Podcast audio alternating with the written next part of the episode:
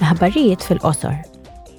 Din il-ġimgħa waqt seduta pubblika, il-Kumitat tal-Libertajiet Ċivili flimkien ma' esperti ddiskutew regoli ġodda ntiżi li jsaħħu l-pluraliżmu u l-libertà tal-medja fl-Unjoni Ewropea.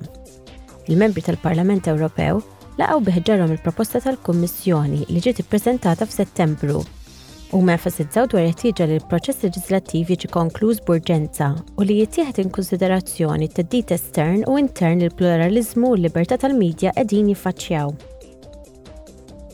Illum il-Parlament Ewropew se jiddiskuti kif l-Unjoni Ewropea tista' tappoġġi iktar lill-Ukrajna fil-ġlieda tagħha kontra l-evażjoni mir-Russja. Għada fi Kiev se jsir is-summit bejn l-UE u l-Ukrajna. Il-mexxejja ta' żewġ naħat huma mistennija jiddiskutu l-appoġġ finanzjarju u militari lil gvern Ukren kif ukoll il-passi li jmiss fir-rigward tal-isforz tal-Ukrajna biex tingħaqad mal-Unjoni Ewropea.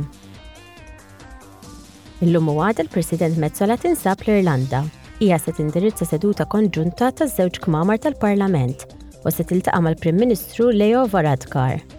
Għada l-President Mezzola se tiltaqa' mal-President tal-Irlanda Michael D. Higgins u se tieħu sehem f'diskussjoni f'livell muniċipali maż-żgħażagħ Irlandiżi.